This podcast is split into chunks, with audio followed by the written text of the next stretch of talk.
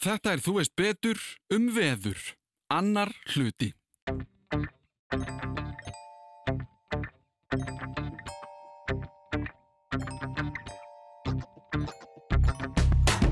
Faktist, þá getum við nefnilega að sumleiti stjórnaverðinu. En það sem er líka gerist er að við höfum engan tíma til þess að velta veðrinu fyrir okkur. Af hverju eru við ekki með hverjulbili á Íslandi? Vegna þess að við erum ekki með nóg hlýjan sjó, við erum alltaf breytilega vindátt og jörðin snýst alltaf hratt hjá okkur. Mm. Í síðasta þætti tóku við smá rispu varðandi veðrið. Elín Björk Jónasdóttir kíkti til okkar og við fórum aðeins yfir söguna og svo líka örlítið varðandi þessi veðurhugtök sem við heyrum svo oft í dag. Við ætlum að halda áfram í þessum þætti, ræða fleiri hugtök sem við áttum okkur kannski ekki alveg á hvað þýða og pæla svo aðeins í framtíðinni. Við endum síðasta þátt á því að Elín nefndi að möndulhalli jarðar, sólinn og land versus sjór sé í raun ástæðan fyrir öllu veðri og er því eðlilegast að fara eins betur í það hvað hún eigi við með því. Hvað mennur það með land versus sjór? Vegna þess að landið hittnar miklu hraðar en sjórin Ah, en sjórin kólnar hægar. Þannig að, þannig að yfir sjó að þar, þar er ekki alveg kvikt ástand eins og yfir landi og þar myndast líka þá ójafnvægi og til dæmis hafgóla og landgóla eru sem sagt tæki náttúrunar til þess að reyna að jafna hita, munin. Þú veist, þegar landið er orðið rosalega hlýtt en sjórin hefur ekki hitnað jafn mikið, þá fyrir að sógast kvöld hafgóla inn á land af því það er að rýsa eitthvað yfir landi sem að er að toga. er að toga og þá myndast ringrás. Þess vegna getur aldrei verið bara geggjaðu sumandagur að það kemur alltaf, það kemur alltaf gólan. Já, kemur segir- alltaf hversu góðan. oft hefur maður sagt bara að það væri svo gott ef það væri ekki þessi kaldi vind. Akkurat, og það sérstaklega eins og sko, maður þarf að vera komin svolítið langt í land, inn í land til að losna við hafgóluna. Já, bara, erum við ekki að tala um bara eitthvað, ég veit ekki, á hál, eða hversu, við Jú, erum bara eiga. það er bara, já, Já. þeir bara rosalega eftir, eftir hérna hver þú ert. En þeim í eigafyrðinum er ekkit rosa kannski mikil hafgóla langt inn í eigafyrði, Mhm. en við sjáum alveg hafgóla flugvellinum á Akureyri. Og við sjáum þetta hafgóla hérna alveg bara, þú veist, í Reykjavík og með allir ströndinni og alveg út um allt, sko. En það er svona spurning hvar, þú veist, hversu þröngir fyrðirnir eru og, og hvernig, hvernig Mhm. staðan er. En sem sagt, það er í raun og veru best, sko, að hafa eins og í Reykjavík, þú veist, við myndum vel vilja hafa svona austan gólu á bestu dögunum. Við viljum ekki hafa logn, sko, þá kemur hafgólan og þá lækkar hittin kannski bara um þrjárgróður á no time, sko. Já. Og, bara, og þá er þetta ekki eins og vindkæling, þá er bara bókstaflega verið að flytja kaldara loft af sjónum Það bara er verið að gera þetta kald, já, já. Þannig að bestu sumardagarnir eru annars vegar ef það er nógu mikill vindur til þess að halda þá móti hafgólinni eða ef það næri að vera hlýtt en svona ekki alveg heiðskýrt af því að þá myndast ekki þessi ofsalega, þetta ofsalega uppstreymi við landi Mhm. af því þá er minni inngeislinn frá sólinni. Þannig við viljum einmitt að þessi svona létt skíjað, Já, skýja með köplum. já, skýjað með köflum. Svona, smá, já, svona sól hér og þar, já. Það er svona kannski besti sumandagur. Já, ég held það sko. Allavega svona jafn bestur. Já, En svo alltaf fólki sem á rosa skjólsæla garða sem er alveg sama. Já, bara, það er náttúrulega, við erum ekki að tala um það. En er þetta ástæðan fyrir því að það er, að það er alltaf að tala um hvað er best að vera á Íslandi Mhm, og það er að hvert einasta bæjarfélag segir að það sé hjá sér. En Já, mér líður eins og það hafi verið Austurland Já. og ég pæli núni í því að þú sagðir við viljum hafa austanáttina Já, að þá fór ég alltaf náttúrulega ekki Austurland gott, það er náttúrulega ekki gott fyrir, við Reykjavík viljum hafa austanáttina. því það kemur svo langt í burtu. Á, á Austurlandi vilja þau suðvestanáttina. Mhm. Þá eru við yfirleitt í suðvestanátt og skúrum hér á, á því þá erum við að fá eitthvað kerfið beint frá hafi. Mhm. En þá er kerfið búið að fara yfir fjöllin, þú veist, losa sig við alla úrkomuna, kólna á leiðinu upp, hlínar aftur á leiðinu niður og mynda svona hnjúka þeir og þá er, þú veist, engin raki eftir eða lítill, Mm. sko. Suðvestanáttin heldur þá á móti þokunni og hafgólunni sem kemur inn á austfriði og þeir fá, sko, hlýra, hlýra loft niður af fjöllunum af því það, það er að hlína á leiðinu niður. Mm. Þannig að það er ekki nefnilega, það er ekki eitt, ein besta átt á Íslandi. Hún er mismund eftir landslutum. En Og- er einhver landsluti sem er sko landfræðilega, veðurfræðilega, hvernig sem það er, þú veist, betri? Eru betri skilir einhver staðar Já, um, já. óábyrð? Þú þarf ekki... Óábyrgt. Ég er svona að reyna, reyna að segja þetta hérna svona diplomatist. Nei, það er náttúrulega þannig að hiti nær hærri hámörkum á norður og austurlandi af því að sumrin eru suð, suðlegu aftunar algengari og þá ger, kemur þessi mekanismi til. Að loftið, þú veist, hlínar og það kastar frá sér allir úrkomu á sunnun og vestanverðu landinu og svo ertu með staði þar sem að eins og sko staðarhóll í aðaldal hérna Hallomstaður, Akureyri, við fáum þú veist Húsavík, við fáum hérna háar hitatölur frá Mhm. þessum stöðum. Af því að það eru svona landvindar sem að stýra því þá að sko það komist ekki inn kuldin af, af sjónum. Á þeim slóðum sem að sumrin eru mjög góð eða svona jafn, jafn betri þeir eru kannski verri. Af því að þú veist, það er búið að vera miklu meira, miklu meira vor á sunnan og vestanverðu landinu heldur en fyrir norðan, þú veist, sumrin eru stittri þar í raun og veru. Mm. Og það, það hefur þá líka með það að gera. Þau eru oft fast í norðanáttinni og með norðanátti hér þá er hún kannski köld að fá við sól og það fer alltaf grænka og, og svoleið sko þannig að hérna Það er alltaf engin staðum sem færi þetta allt nei, sem er bara eitthvað fullkomin nei, nei. og auðvitað er náttúrulega, náttúrulega snjóléttast oftast á Suðurlandi, það er hlýjast og hlýjast í sjórin og, og mjög snjóþungt á Akureyri.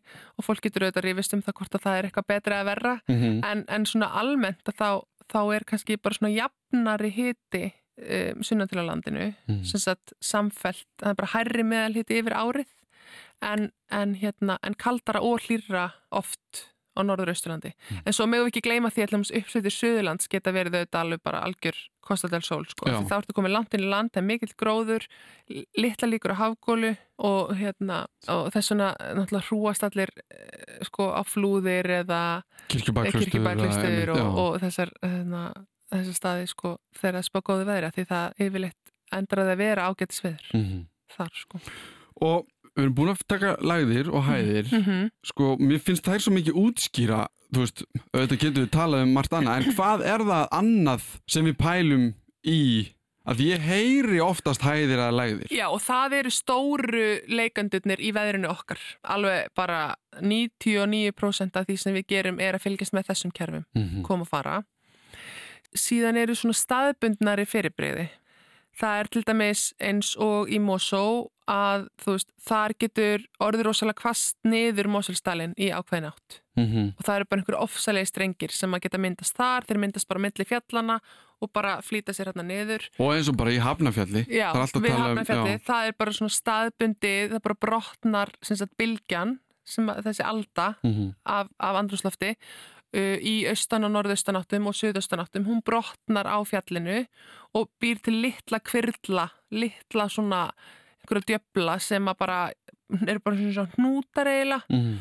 Og bara, þú veist, má ég límt sér að bara það, þú veist, allt inn er komin svona einhver reisastór steinn í lækin okkar og allt frussast einhvern veginn út um allt Já. og það er það sem gerist að því að Hafnarfjalli bara stendur upp úr og Esjan stendur upp úr Er það bara- ekki, ég held alltaf að vindarnir væri að koma aftan af fjallinu og Mhm. færi í svo mikinn hraða þegar þeir færu niður fjallið og að veginum eins og í Hafnafjalli. Er það ekki þá þannig? Jú, það getur alveg verið, sko. Já. Já. En svo er bara eitthvað að fjalli snýr einhvern veginn, það er einhver, einhver eitthvað sem að skerst út úr því eða þú veist, það er vindurinn, hérna, kemst ekki nákvæmlega leiðina sem hann ætlaði og þá einhvern veginn sko, skoppar hann af Mhm. fjallinu. Þannig að myndast Og- bara svona glundróða pollar Já, einhvern veginn þarna. einhver svona kvirlar. Já, Og, og hérna, glundróða pollar. já, þetta er mjög Já, gott orð. Já. Og þetta er mjög algengt, sko, suðvestanáttin á, á, í eigafyrðinum, þú veist, það er ripnast um trí upp með rótum bara ef hún er sér á strik þar, sem er ekkert oft, en Mm. En getur alveg verið.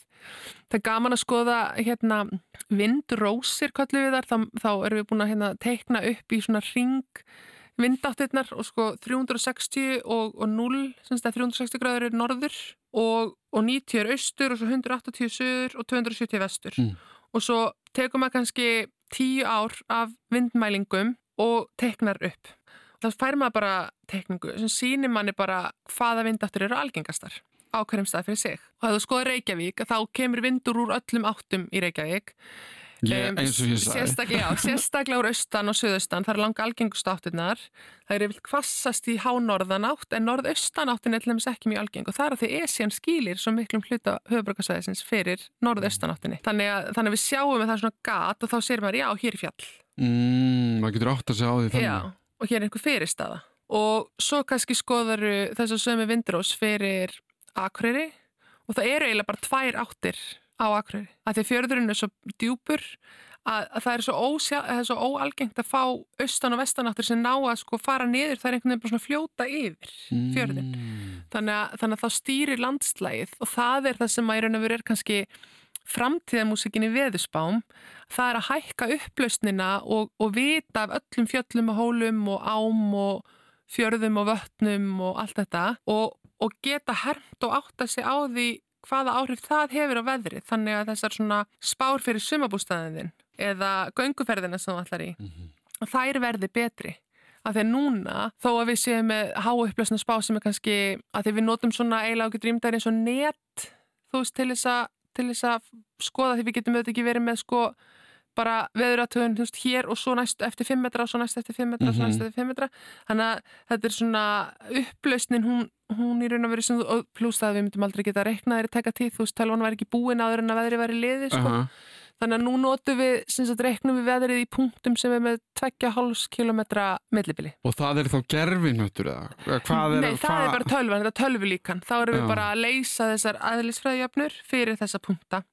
Og svo notum við aðra reiknaða þeirri til þess að brúa þetta allt saman þannig að þá færðu þessi fallegu svona Íslandskort með, veð- það er ekki þannig að þú fáir ekki veðrið í öllum punktum, sko, Mhm. en við reiknum þá í þessum punktum og svo svona smyrju við það svolítið yfir landið. En þú sagðir aðan að þú verður að vita hvar þetta byrjar, þú verður að vita byrjunarpunkt. Já, Þegar að, að því að nú er bara veðrið bara alltaf, það er þú getur alltaf farið inn á bara veður.is og skoða veðurspána.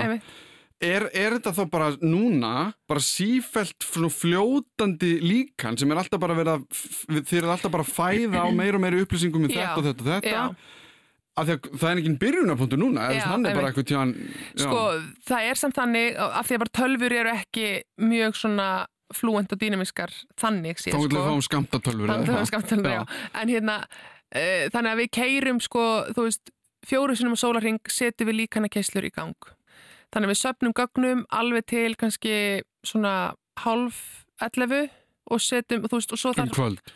já, Nei, eða að mótin til bara, já. ekki, og, hérna, og þá þarf það að í gegnum einhverja svona mulningsvél og gera það allt tilbúið fyrir líkanið og svo keirir keislan frá klukkan 12 Mm og hún keiri fyrir næstu 66 tímana en á meðan þessi keislar keira þá erum við ennþá að sækja alltaf upplýsingar og svo bara fyrir næsta keisla af stað klukkan 18 og þá söpnum við gögnum til eitthvað 16.30 og þá fyrir keislan í gang klukkan 18 og svo höldum við áfram að sapna gögnum og keislan keirir bara meðan -hmm.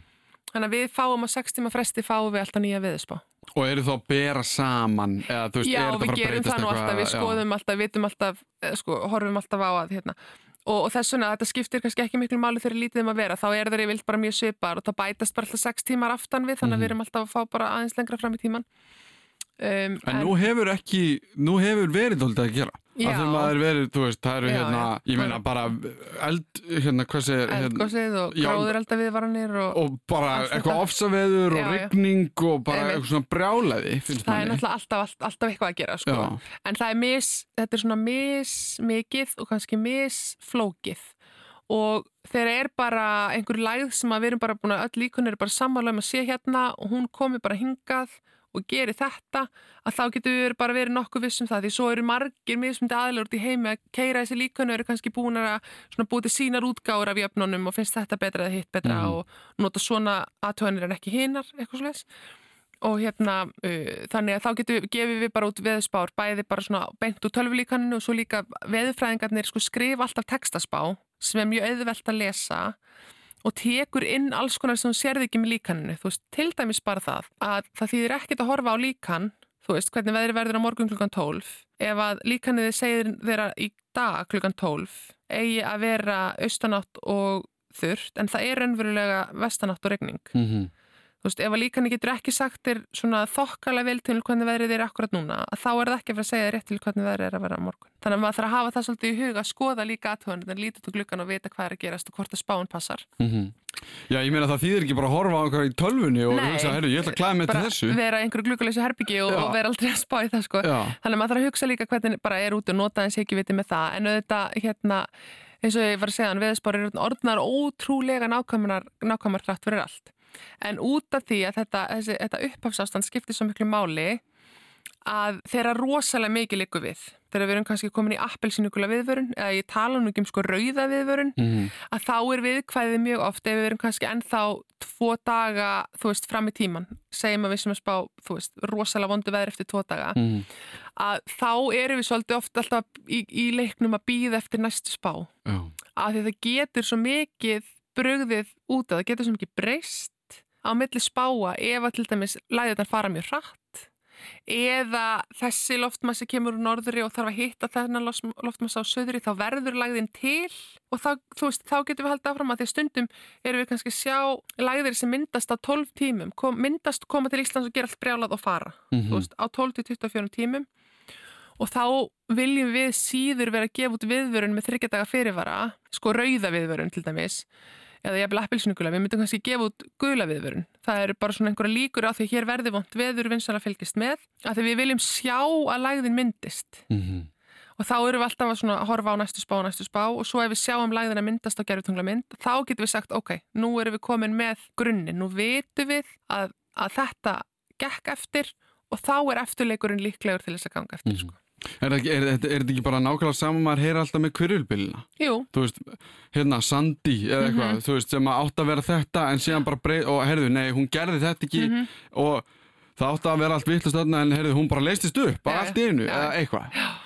Og það er hérna, fellibylja spátnar hafið mitt líka batnað mjög mikið út af gerðutunglagognanum mm -hmm. en sko þessir stóru stormar þeir eru líka bara alveg svo lagðirnar, þeir eru mjög upp á það komnir að, að hérna hálóftavindarnir pikkið á upp og, og færið á til.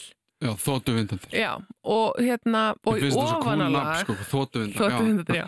Hérna í ofanalag þá eru nefnilega fellibylir algjörlega upp á það komnir að að þeir fá að vera í friði að þeir eru bara svona svo risastór gufuvél frá yfirborði og alveg upp í bara 10-20 km hæð, 10-20 mm. km hæð. Og ef að það er breytileg vindátt ef að vindurinn er að breytast mikið frá yfirborði, kannski upp í 5 km bara sunnanátt við yfirborð og svo kannski komið vestanátt að þá tætir vindurinn höllibillin í sundur. Og, bara... og þá bara fyrir guðuvilin þá bara kóðunar hún niður bara Þannig að ef að þessar spár um hvar þessir þótuvindar eru og bara hvernig vindáttin er í loftsúlinni, mm -hmm. ef að hún er ekki rétt, þá verður vind, spáin um fæsluna á þessum stormi ekki rétt. Mm.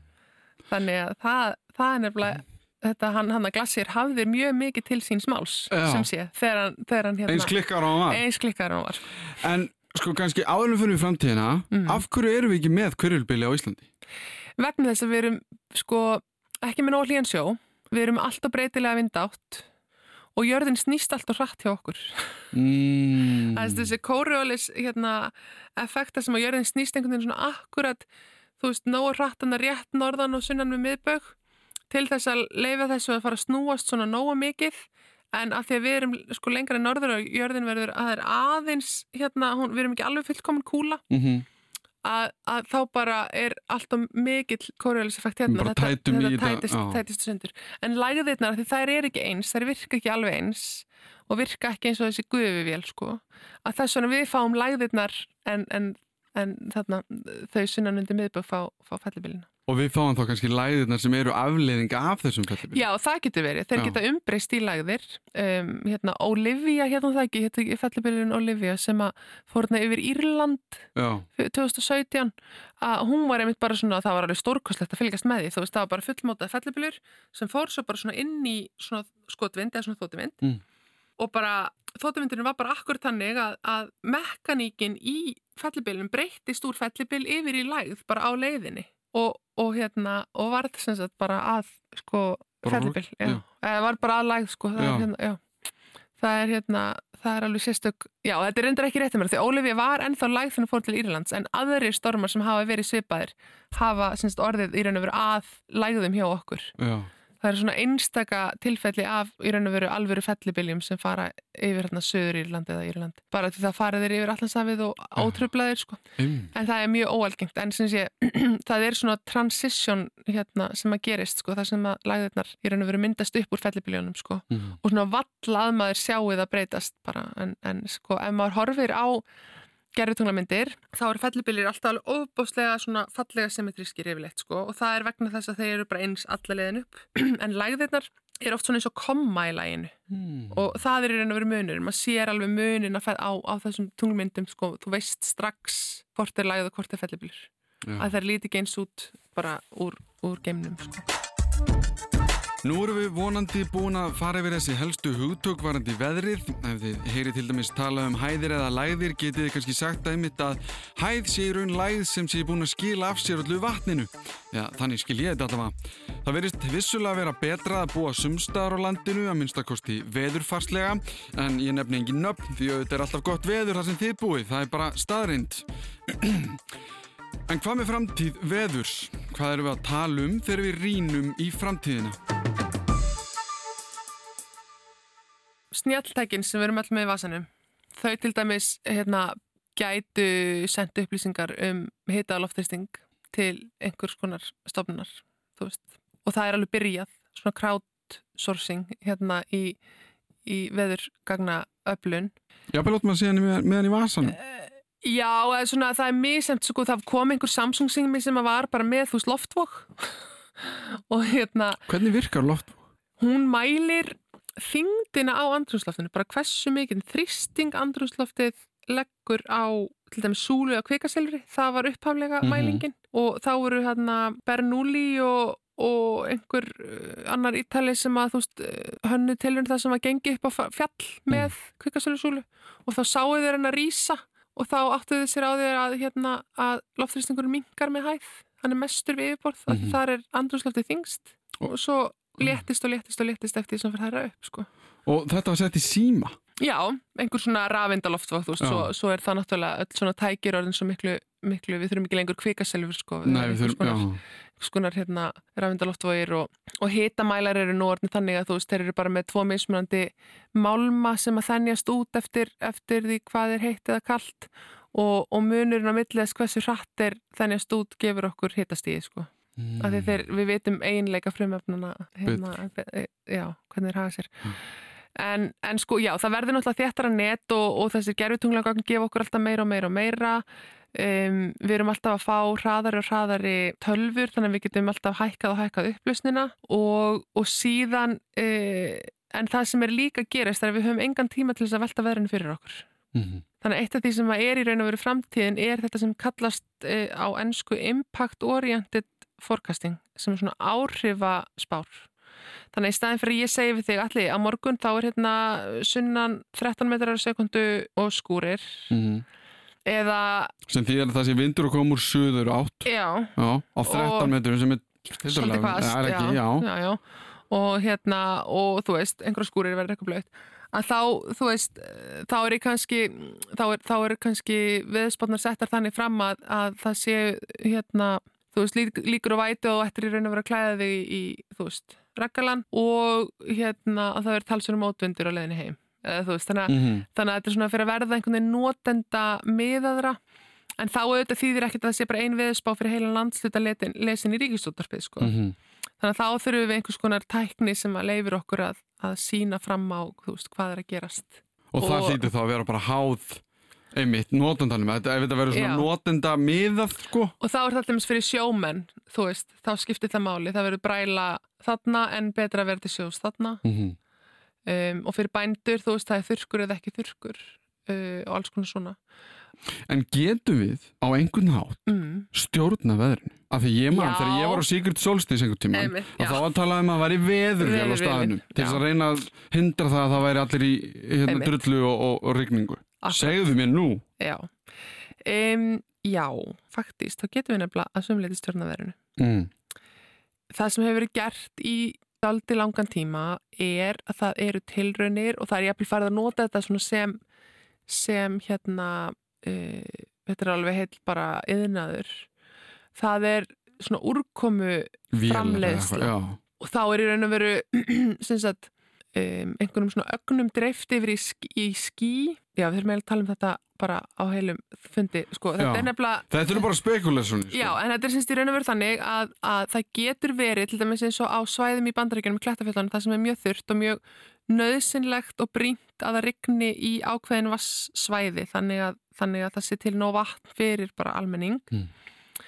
að stundum koma inn til dæmis ský sem að eru sko full af raka en þau eru með svo fá hérna, þau eru með svo sko marga pínu litla dropa Að þið falli ekki. Já, að þeir bara, bara svona dreifa sér yfir og þeir falla ekki til gerðar.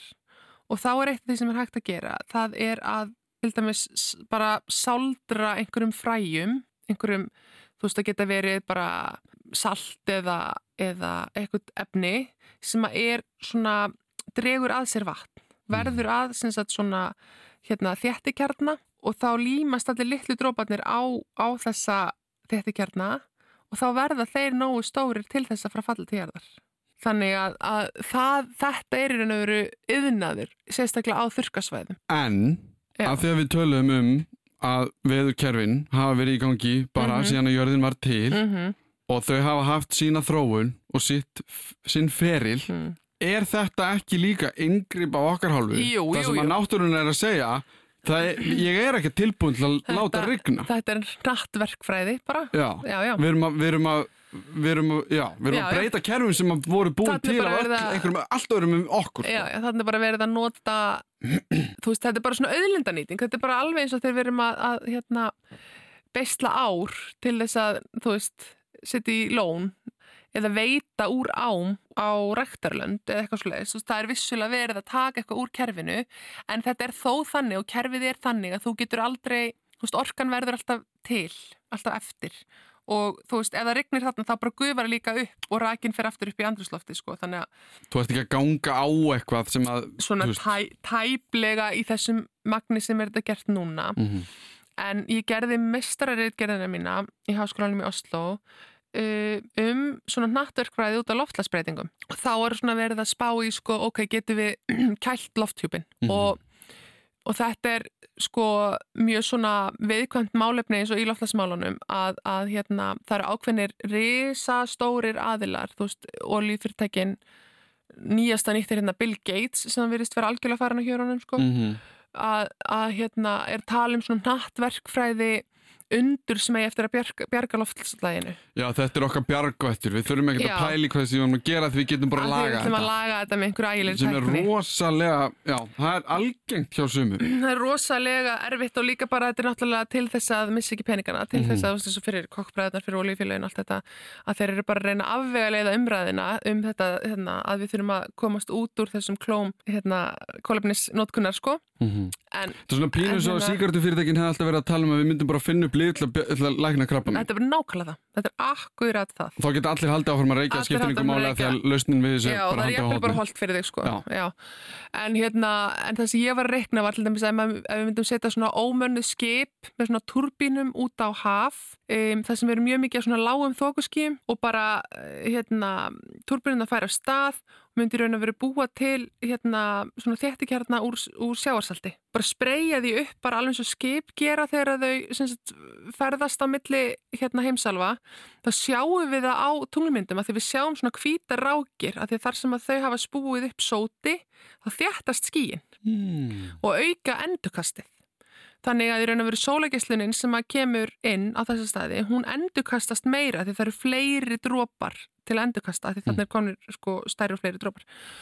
Og, og ég var í raun og veru bara að reikna út, ok, ef við myndum setja af stað flota af svona skipum sem við myndum spreyja upp í, þú veist, 100 metra hæð eða 300 metra hæð yfir þessi hlýju þokuskí, myndum við geta kælt jörðina þannig að, að í raun og veru, hérna, við værum að, að draga úr áhrifum loftlagsbreytinga. Og svarið er já, við getum alveg gert þetta, þetta kostar heil ósköp, við getum sko bjarga öllum heiminum frá, frá fátækt og hungri Mhm. og líklega leist sko loftasvandan áður en að við erum búin að borga upp þessar aðferðir. Mhm.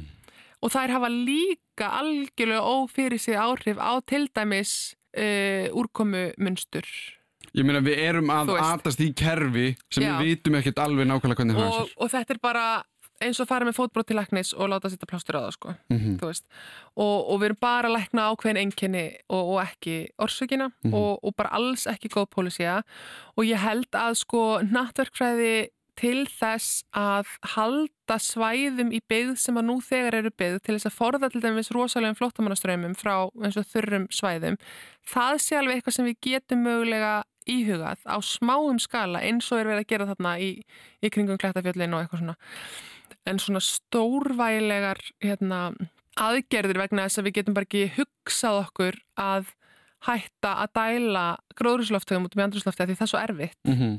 Það er bara alveg galið, sko. Mhm. Snar galið.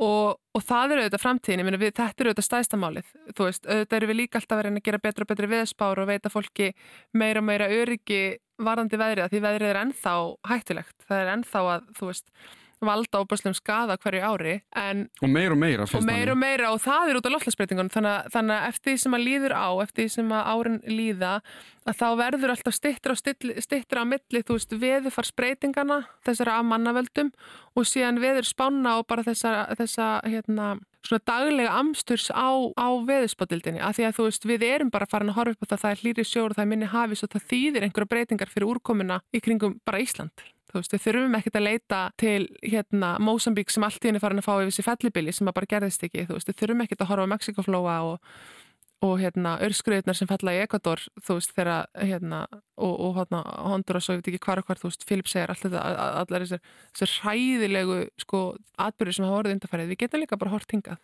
Og þetta breytir alveg heil miklu af því að sko, að því kerfið er svo sett í, í sinni vegferð að fólki finnst kannski ekkert mikið, þú veist, Parísasankommulegið snýra því að reyna að lámarka hita hækkununa við 1,5 gráður og alls ekki meirinn tvær og fólk hugsa bara 1,5 gráð, það er nú ekki neitt. Mm -hmm. En sko breytingarnar á kerfinu sem verða við hverja bara 0,1 gráðu eru bara rosalega. Þannig að, að hérna... Að þetta getur líka verið þessi 0,1 gráða sem þarf til þess að eitthvað fari alveg, alveg í eitthvað tómasteipur. Sko. Já, og það er nefnilega máli. Þannig ég held sko að á, ásamt því að við höldum þetta áfram að, að reyna að bæta upplösnuna og bæta þjónustuna og bæta áraðanleikan hérna ná, þú veist, lengra fram í tíman með góðar viðspár. Þannig að fólk getur skipilagt sér betur og allt slíkt og þá, þá er óumflíjanlegt að það verði samrunni þú veist, á þessum veðfarsmálum og síðan spánum, held ég. Mm. Held ég. Já, enn og aftur virðumst við oft leita að einhverjum undra leiðum sem bjarg okkur þegar við höfum málað okkur út í hotn. Frekarinn að setja hömlur á hlutina sem að skada andrumsloftið okkar virðast sumir halda að svarið liggi í endýrar í lausnum sem ruggla enn frekar í veðurkerfun okkar. En það er svo sem ekkert nýtt að maðurinn telli sér vera guðskjöf til jarðarinnar sem skilji allt og viti. En veðurspátnar verða nákvæmari með hjálp snjallækja og eins og með umferðarljósin sem við töluðum um fyrir einhverju síðan snýst þetta þó meira um að geta gefið út betri spálíkun byggð á meiri gögnum. Eitt er víst að við munum aldrei hægt að tala um veðrið en vonandi hafið þið fleiri tól í verkvaratöskunni þegar um það er rætt. Eða skilji kannski okkur róki virist koma beint í andlitið okkur sama í hvaða átt þið snúið ykkur. Ég þakka Elinu Björg kærlega fyrir að koma til okkar og útskýrita allt saman fyrir okkur. Takk um leið fyrir mig. Það má alltaf senda post á allimar.ruf.is ef það er eitthvað. En þetta var Þú veist betur um veður.